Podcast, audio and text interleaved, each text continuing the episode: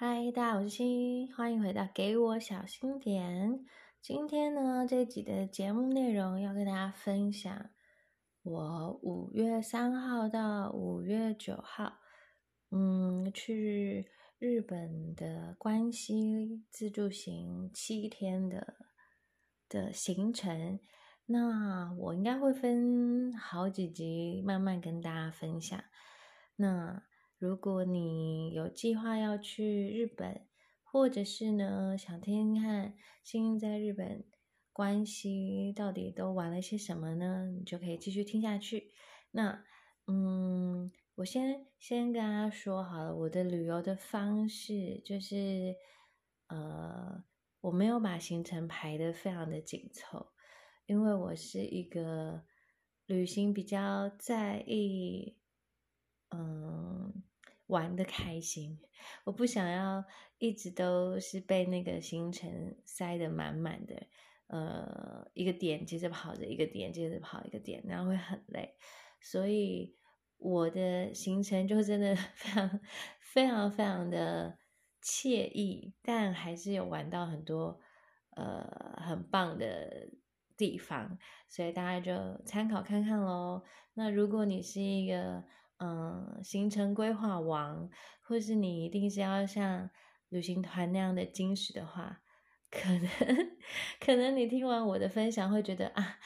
心总这么浪费他的假期，所以我要先跟大家先打预防针，就是这是完完全是属于我的风格，就非常的 chill 啊，非常的任性啊，但还是玩的很开心。OK，如果你先已经先打好预防针的话，就可以继续听下去喽。首先呢，要先跟大家呃分享的是这一次的自由行的住宿跟交通。那因为是自由行，所以呃事前的准备工作就还是得做，除了订机票、订住宿之外。交通的路线啊，还有事先要准备什么样的，呃，买什么券，那就要先在台湾都先先先准备好。那我先讲，嗯，我们这一次订的呃飞机，飞机是看那个时间，我是挑时间，而不是挑航空公司。那就挑时间，这一次就搭华航，华航的时间大概机票的钱。呃，我我短程的旅行，我们就坐最简单的经济舱。我也不是什么高级尊荣贵员，什么贵员，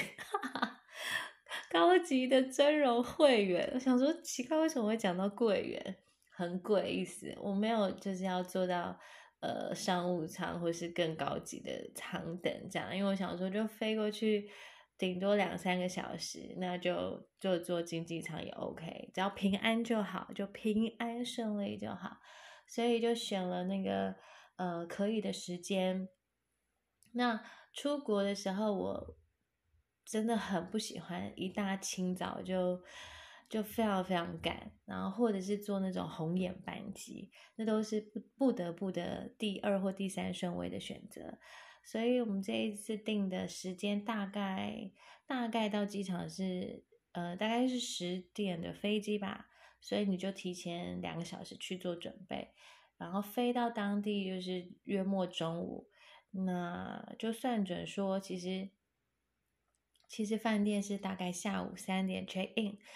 的话呢，你过去呃出关然后找路。嗯，先吃个午餐，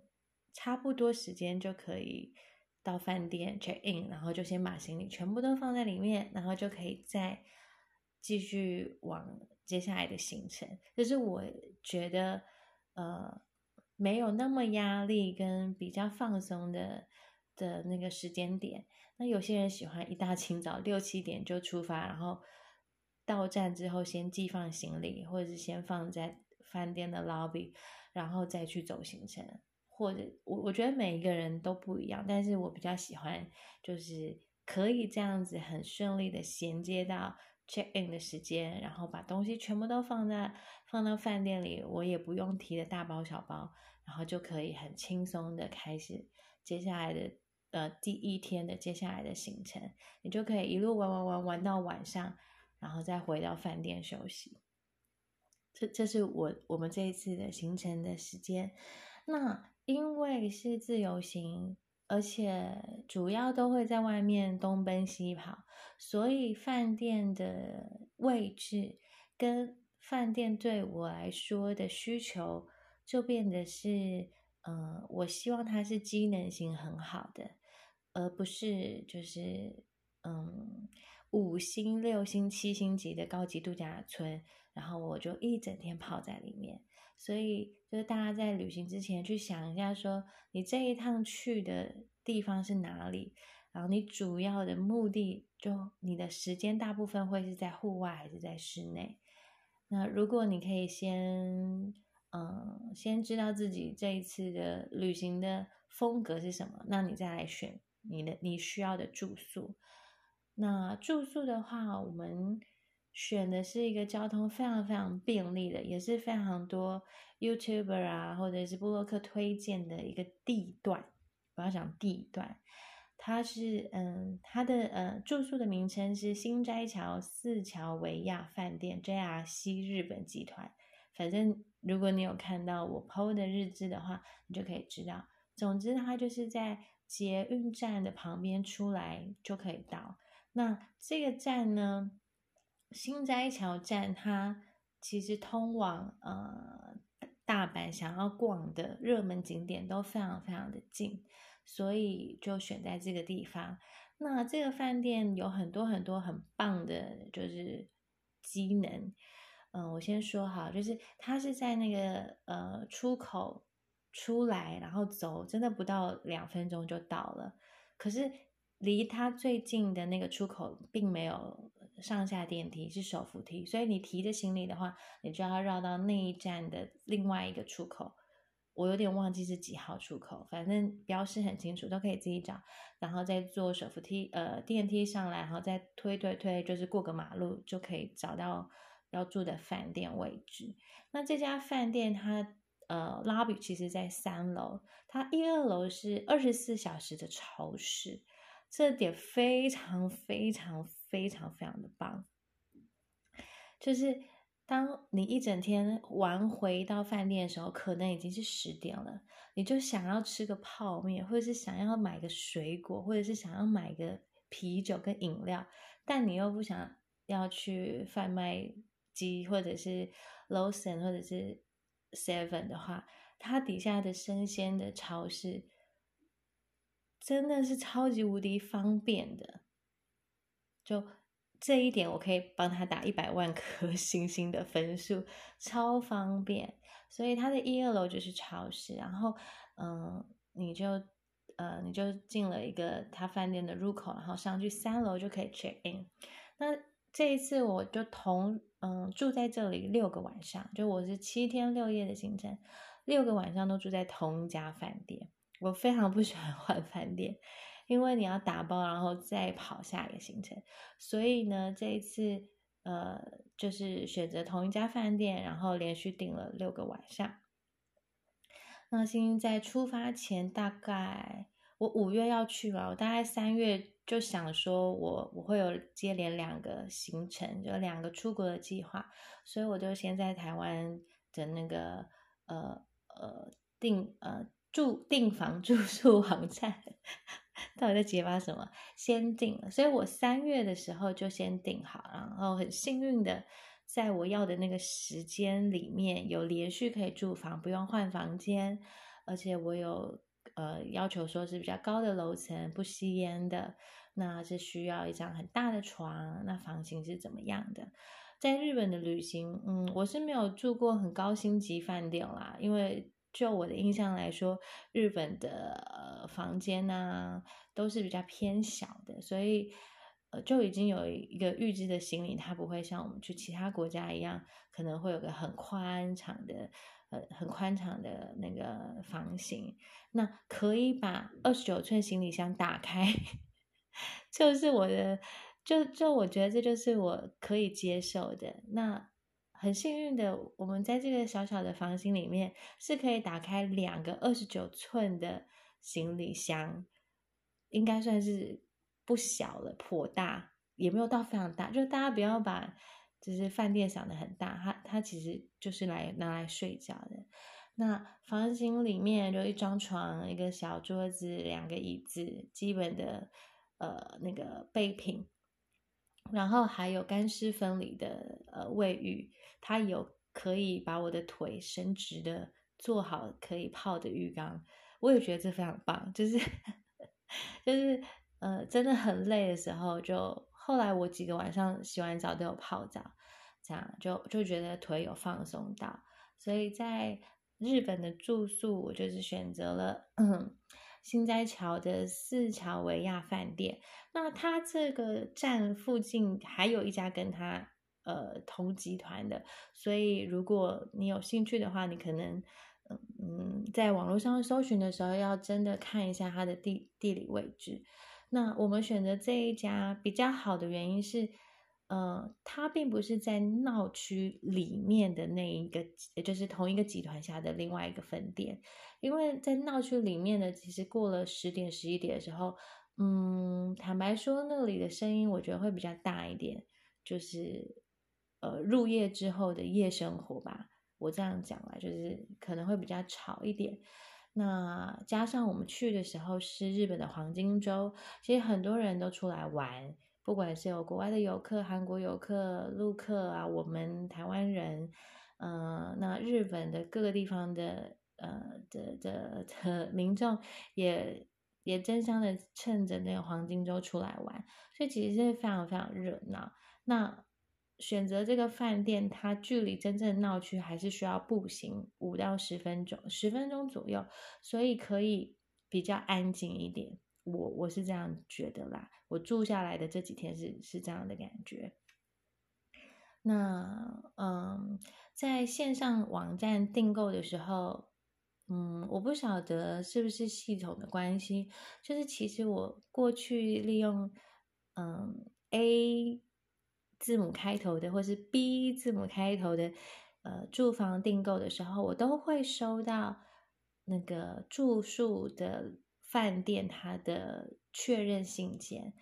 那但是我一直都没有收到日本的饭店的确认信件，所以我很紧张，因为我有听过，有看过人家分享是在那个住宿的时候有发生，就是我在住房网站订购了，但是对方的那个那个饭店并没有收到，呃。就是有被 booking 这样子，就是就是会有落差，可能到现场会没有房间，所以我就一直很担心，说我都没有收到日本这这家饭店的信，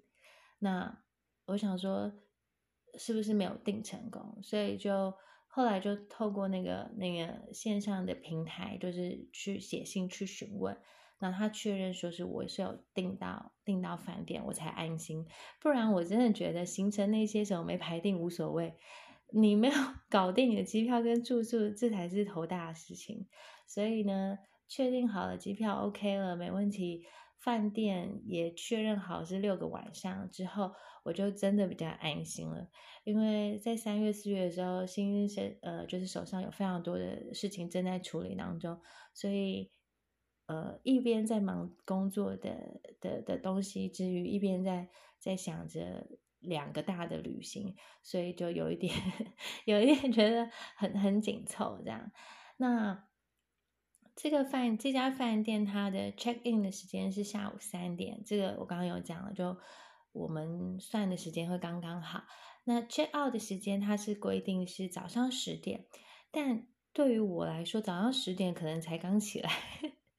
就是我旅行也是要尽量尽量的睡，就早上十点就要 check out，我就觉得我会来不及，所以我就是在看他的呃官网上面的叙述说，如果你要延后的话，你要再多付钱。那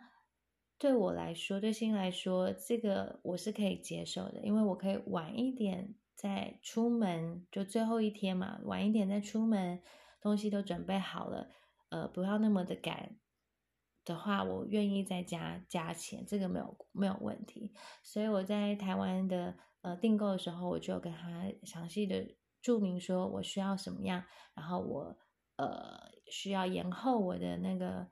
退房的时间。那官方网站跟呃现场的那个饭店的服务人员都讲得很清楚。哈，以这家饭店来讲，其他家不知道。以这家饭店来讲，呃，十点的 check out 时间，那如果你要延后一个小时的话，你就加一千元日币。那你要延后两个小时到十二点的话，一个人就是两千元日币。那所以。呃，我就说 OK，那就现场跟他确认好之后，就再再付现。所以我在网站上面只有 Booking，没有付任何的定金啊。我到现场的时候再用信用卡去刷。那以当时的汇率来讲，是乘以零点二二多，我都把它想成零点二三这样。也就是大家看到，就是。我不知道之后你们去的时候是不是这样的价格啦？就是你看到的所有的日币就是除除以四就好，就是四分之一零点二五的概念，比四分之一再便宜一点点。那当你在刷卡的时候，呃，不管是饭店的店家还是餐厅的店家等等的，他都会问你说，因为你你用的是那个 Visa 卡，他会问你说你是要用日币还是用台币来刷。就请你选当币的币值，就是请你选当币的币值去刷，因为我们信用卡刷完之后会会用我们的汇率汇率去兑换成台币，那我就可以看得到，其实他开给我的呃台币的的的费用跟我直接刷日币的费用兑换出来是比较贵一点点的，所以这就是。如果大家有旅行的经验，应该就知道我在说什么，就是呃，以当地的汇率来刷卡就好了，就不用再特别去选他帮你换的台币，这样这样这样理解吗？OK，所以呢，我就我就现场 check in 之后，然后就呃就付费，那就进到了那个我要住的六个晚上的小小的房间。那嗯，这家饭店。它很可爱的一点就是，它里面会附上基本的备品，可是牙刷是要另外买的。它它在它的网站上面都有很清楚的说明，呃，是洗澡的啊，呃，洗澡，呃，洗头发、洗澡、润发的都有附，然后毛巾也有附，热水壶也有附，茶包跟咖啡，它就是放在 lobby 的柜台。旁就是电梯旁边，你随时都可以来拿，那就是你要喝多少包都可以这样。可是，可是如果你要多一点的备品的话，你就要付费。那牙刷我我自己就带自己的，这样就没有用到钱。但他每一天就是都可以帮你清理房间，你也可以选择不清理房间。那我就想说，我住六个晚上，其实我不需要每一天都有人来打扫，所以我可能就是。第一天、第二天没有那么没有那么多垃圾要收的话，我就贴上一个就是谢谢不用打扫的的的吸铁在门口。但我回到家的时候，我的那个呃我的那个门房的把手上面就会挂着两包东西，它就是会挂着新的干净的毛巾跟新的干净的睡衣。就我住的这六天，我每一天都是穿新的他准备好的睡衣一套，我根本不用 穿自己的睡衣，而且他的睡衣就是他们饭店那个感觉就很 Uniqlo，很 Uniqlo 吗？对，很 Uniqlo 这样，很无印良品差不多，而且超好穿的。然后每一天就是如果有让他进来打扫、收收垃圾的话，又会新的。新新的一套睡衣，然后如果没有的话呢，它就挂在门口，所以每天都可以穿很新、很舒服的呃那个棉质的的睡衣睡觉。这一点我觉得非常的贴心。那所以我非常的推荐，如果你是很轻松自在的自由行，没有没有一定要在饭店享受高级无比尊荣的饭店设施的话，像这样子的呃。以以生活机能还有交通便利为主的饭店，就是一系列的集团饭店，都是可以纳入自由行的选择。因为你机票飞过去，加上住宿，其实就已经是一一笔一笔可观的消费了。然后其他的就是你的这几天的行程的吃喝玩乐。所以我觉得。就是看每一个人在计划这个旅行的最主要的目的是什么。那这一次我们比较多的时间在外面跑，所以就选择了一个地理位置非常非常方便，而且很推荐的一间饭店。那我之后再把他们的那个，嗯，就是我今天有介绍到的，在公布在资讯栏，大家就做参考。好，那再来交通呢？交通我们就得靠双腿、双脚，还有不断的一直一直在搭搭电车。不好意思，我刚打嗝。好首先呢，就是在呃出发之前也是要先订，就是在呃那个机场订网卡，那这样就方便我们一下飞机就可以畅畅行无阻。所以网卡这件事情大家都要记得。再来，我们这一次呃七天的旅程当中有使用的票券，有使用的票券，像是第一个等同于我们悠游卡的，那叫做 ICOCA 卡。ICOCA 卡就像是我们的悠游卡，那如果你是 iPhone 手机的话，你就可以用西瓜卡。所以就是看你是用什么样的手机。那欣欣不是用 iPhone 手机，所以我就会去，呃，我们就去买了一个叫做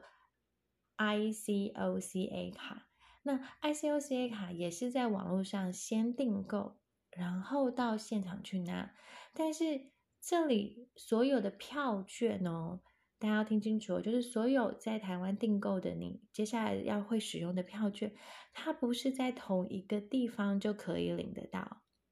它是分散在各个地方。那我们的计划是，好，我们就一天就是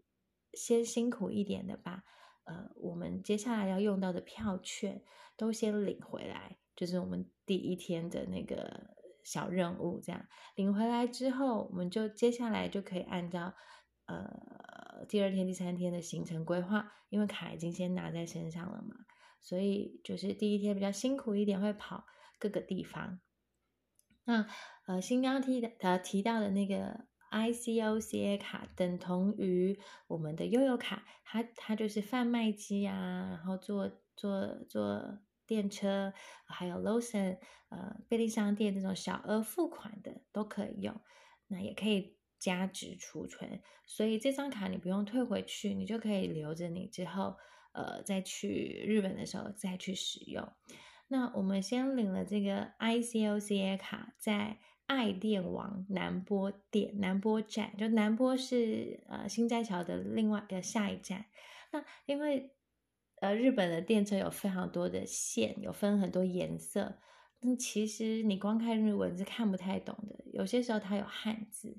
那大家就用就用翻译的。其实呃，我相信很常去 飞呃华语系跟英语系国家旅游的人，应该都知道，你其实就是下载那种直接按拍照，它就可以帮你翻译的软体，就 Google 的照相翻译软体功能。就可以，可以很方便，很方便这样。好，所以我们就先去爱电网去领柜台，领完之后，它因为我们在购买的时候，里面就已经有一大概是一千五百块的日币，呃，就可以让你搭车。那在那之前，你就是投币买那种，嗯嗯，当日券就好了。那接下来再去哪里呢？我们还有买的是大阪周游券。大阪周游券就是可以在大阪里面玩大概五十几个设备，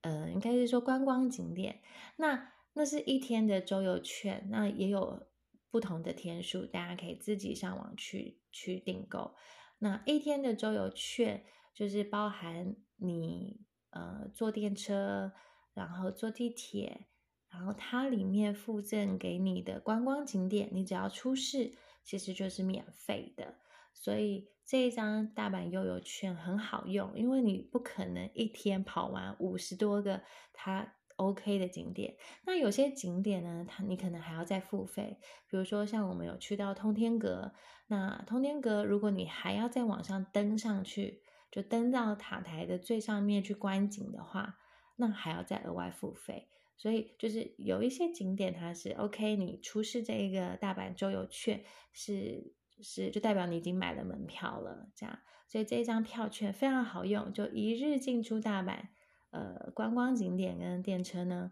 都可以。那这个是要在哪里拿呢？嗯，在关西旅客，就是关西的机场的旅客中心就可以拿到了。好，那这些都太细了，就大家上网 Google 就 OK 了，一定一定有很多旅行达人跟网志，呃，告诉你。我只是初步的介绍。那另外呢，我们还有买到的是呃金板电车二日券，就是往返京都跟大阪的呃电车电车券。那它也是有一日券、两日券，嗯，三日、五日、七日应该都有。那你就看你，嗯。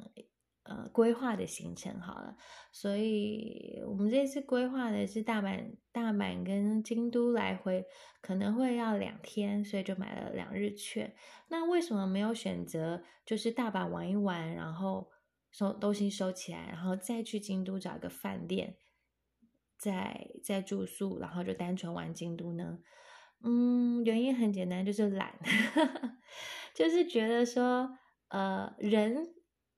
人这样子来回的奔走就 OK 了，那东西就放在一个地方。这我也不知道哎，就是有些人会，比如说 A 城市玩完之后一起到 B 城市，那 A 城市跟 B 城市或许是很远。那如果是这样的话，我就会换别的饭店。可是如果 A 城市跟 B 城市我电车来回算过那个时间是 OK 可以接受的话，我宁可来回。我不知道啊，我我是这样这样子觉得会比较。更轻松自在的行走，也可能是因为自由行的关系，嗯，或许每一天的行程可能都会微调，也要看当天的天气。就像我们这一次的七天六夜，其实其实那个规划的时间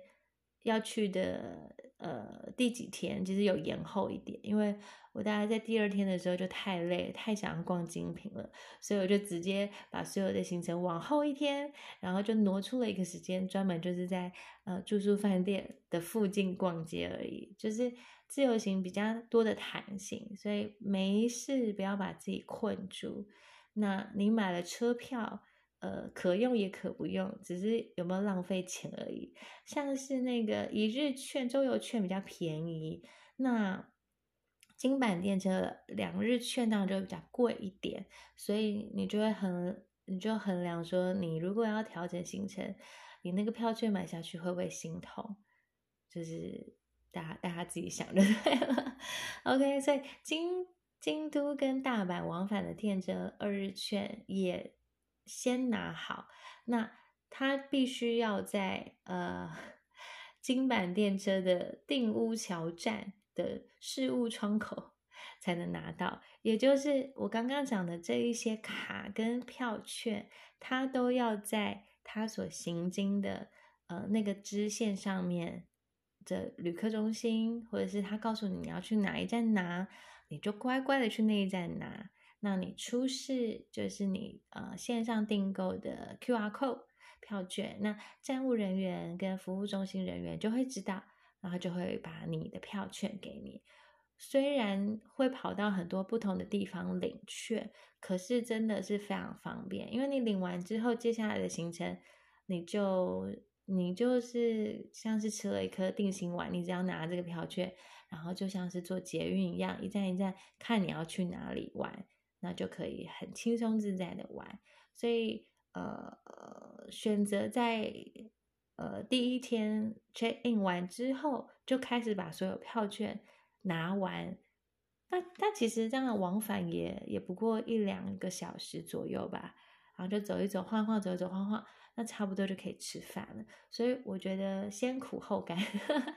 应该是还蛮聪明的方式。OK，那这就是新这次呃日本关西行程的住宿跟交通，我没有做其他的事情啦，就很简单，全部都是用电车，嗯，还有加上走路，在日本本来就是会比较常走路，一天平均约两万步都是很正常的。那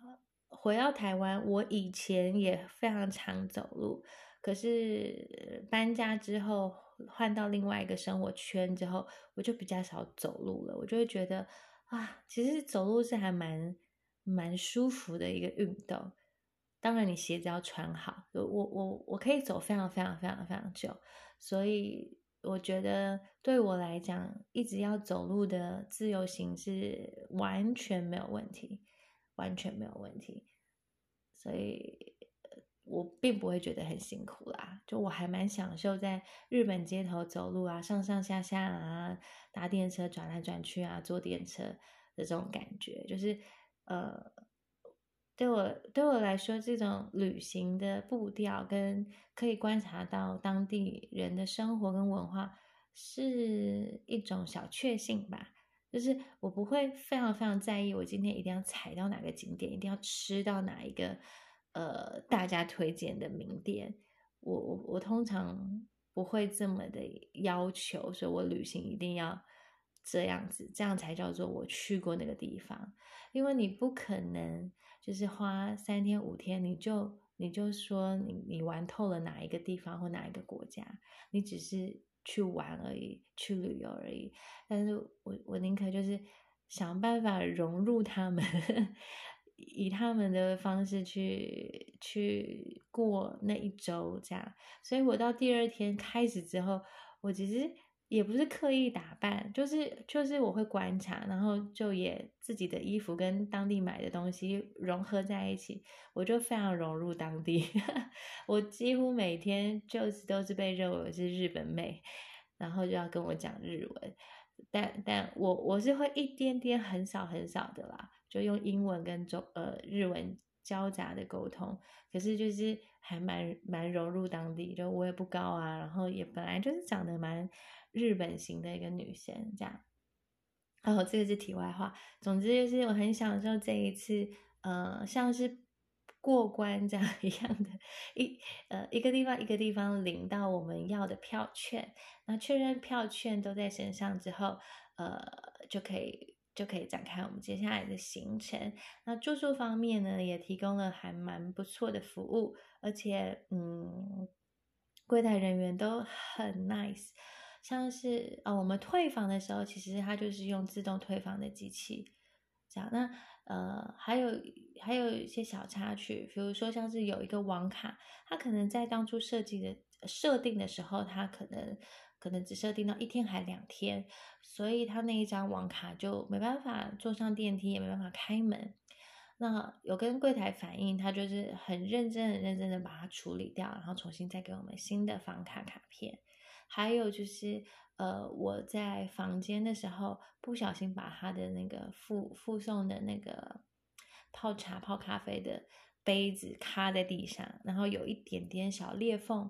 跟有一点拉碴掉漆这样，那我也是很很不好意思的打电话到柜台，这样，然后然后就跟他说，就是不好意思弄坏了那个茶杯，那。需不需要付款赔钱？然后您要不要就是呃看一下那个杯子的状况？这样，那当然这些都不是日文，这样我没那么厉害，所以柜台的服务人员也很努力的在听懂我用的。英文 在跟他沟通，然后他们就马上的派人上来，然后看一下那个杯子，然后他就很很很贴心的问说：“那我有没有受伤？房间里面的人有没有受伤？有没有什么碎片？你们需不需要什么帮忙？”这样，然后我就说不需要，真的都没有事，就是真的非常非常非常抱歉。那他后来就说没关系，那杯子就给他，他就送。就是再给我一个新的杯子，可以泡咖啡跟泡茶，所以呃，我就觉得就造成别人的困扰，我不担心赔不赔钱这件事情啊，但是就是造成别人的困扰，我实在是很过意不去，也非常感谢他们的就是及时的帮忙，这样，所以我就给这一家住宿的呃评分很高，因为地理环境很方便又干净，呃，服务也非常的周到，也很 nice。那有什么问题都可以及时的跟他们反映。我觉得综合以上，呃的那种住宿的感觉，我觉得如果未来我还有要再去大阪自由行的话，我也会优先考虑这样子不错的的饭店，然后这个集团这样，其他分店我不知道，然后就给大家去体验喽。我也不知道，呃，可能 JR 集团有非常多的分店吧，或许在其他城市大家也可以，呃。纳为那个住宿的考量，但就是房型不大哦，就可以睡觉就好，睡得还蛮好的。我我我我通常都会喜欢选择高楼层啦，嗯，我通常喜欢高楼层，所以这一次被呃被安排到是十一楼，那晚上也没有太多太多的杂音跟噪噪音，顶多有救护车吧，还有那个猴子在飙车，我都称那半夜飙车族叫猴子，猴子就在。那个这样，你们知道，就是那边吵来吵去这样。好，那以上就是这一次日本行的住宿跟交通的分享啊。还有我们有一天呢，就安排了环球影城。那在环嗯安排环球影城，并并不是一开始就去，呃，是在这次旅行的最后一天，第六天。原因很简单，就是。快速通关的那个票就只剩下那一天，那刚好那一天是日本黄金周结束后，而且是礼拜一，但人还是一样多。可是没办法，就我们就就只订到那个时间的快速通关的票券，所以就把呃环球影城放到最后一天再玩。那也还好是放在那一天，因为因为我们那一个礼拜它。呃，日本的天气就五月三号到五月九号那一个礼拜的天气，呃，前面就是晴天、阴天，然后凉凉的，接着就是两天雨天，然后再要去大阪，呃，再要去那个环球影城的前一天，就礼拜六、礼拜天的时候，就是狂风暴雨，就就那那两天我就去那个京都，就是下大雨，就逛清水寺的时候下大雨。也不能说扫兴啦，就我没有办法穿到和服体验，因为全部都湿哒哒的。然后就是很担心环球影城，呃，是在礼拜一我会不会什么都玩不到这样，然后都去去吹风淋雨这样。还好那一天天气就是放晴了，就阴阴凉凉的，没有到大太阳，但是风吹了还是很冷的那一种。所以有些时候就是你出国旅行。那一个礼拜或者那五天、那三天的的天气，你你怎么算都算不好，因为 天气就是瞬息万变啊，一下子放晴，一下子又又又下大雨的，就你只能大概知道那那一周或是你旅行的那段期间 O 不 OK 而已。可是真的都是要等到当天，所以当自由行的时候，就是可以比较弹性的调整。可是你已经买好票的，像游乐园的票啊，像什么样的参观的票，那就没有办法更改，你硬着头皮也得去。所以环球影城的票也是在台湾订的，嗯，几个通关快速通关的票券，就是发挥新台币的力量的票券，也是在台湾订的。那那一些就是环球影城的，全部都是线上作业，就是你就是下载 USJ 的那个 App，然后，然后还有你就是呃收发 email 的那个 QR code，你就必须得存好，然后到现场再再那个 show 给工作人员看，然后才能够呃入园，然后也才能够在您买的指定的时间使用那个快速通款。所以呢，这个留到接下来的节目再跟大家分享环球影城的那一天。OK，好，那今天就跟大家先分享住宿跟交通。如果你听完之后有什么样的想法，也可以在呃讯息星星跟星星说，或是哎你也是这样子的旅游方式，或是你也有呃想要更新分享。日本关系的更多的旅游资讯的话，都可以跟我说哦。好，我现在看到了我的那个呃呃住宿的住宿的那个 那个收发的 email，对，就是就是一切都是线上作业都有保留。那我觉得非常非常方便，像现在出去玩是非常方便，只是嗯，机票跟机票，对啦，都会比疫情之前都来的贵一些些。那我觉得大家自己衡量吧，大家自己衡量吧。嗯，该去玩就去玩，嗯，该该回来认真还债就认真还债，就有了那个出去玩的经验，回来就会比较认真跟认命的工作。OK，好，那这就是今天的节目了，希望你们会喜欢。那接下来几集应该也都还是日本之行。就请大家继续收听喽，我们下一集节目再见，拜拜。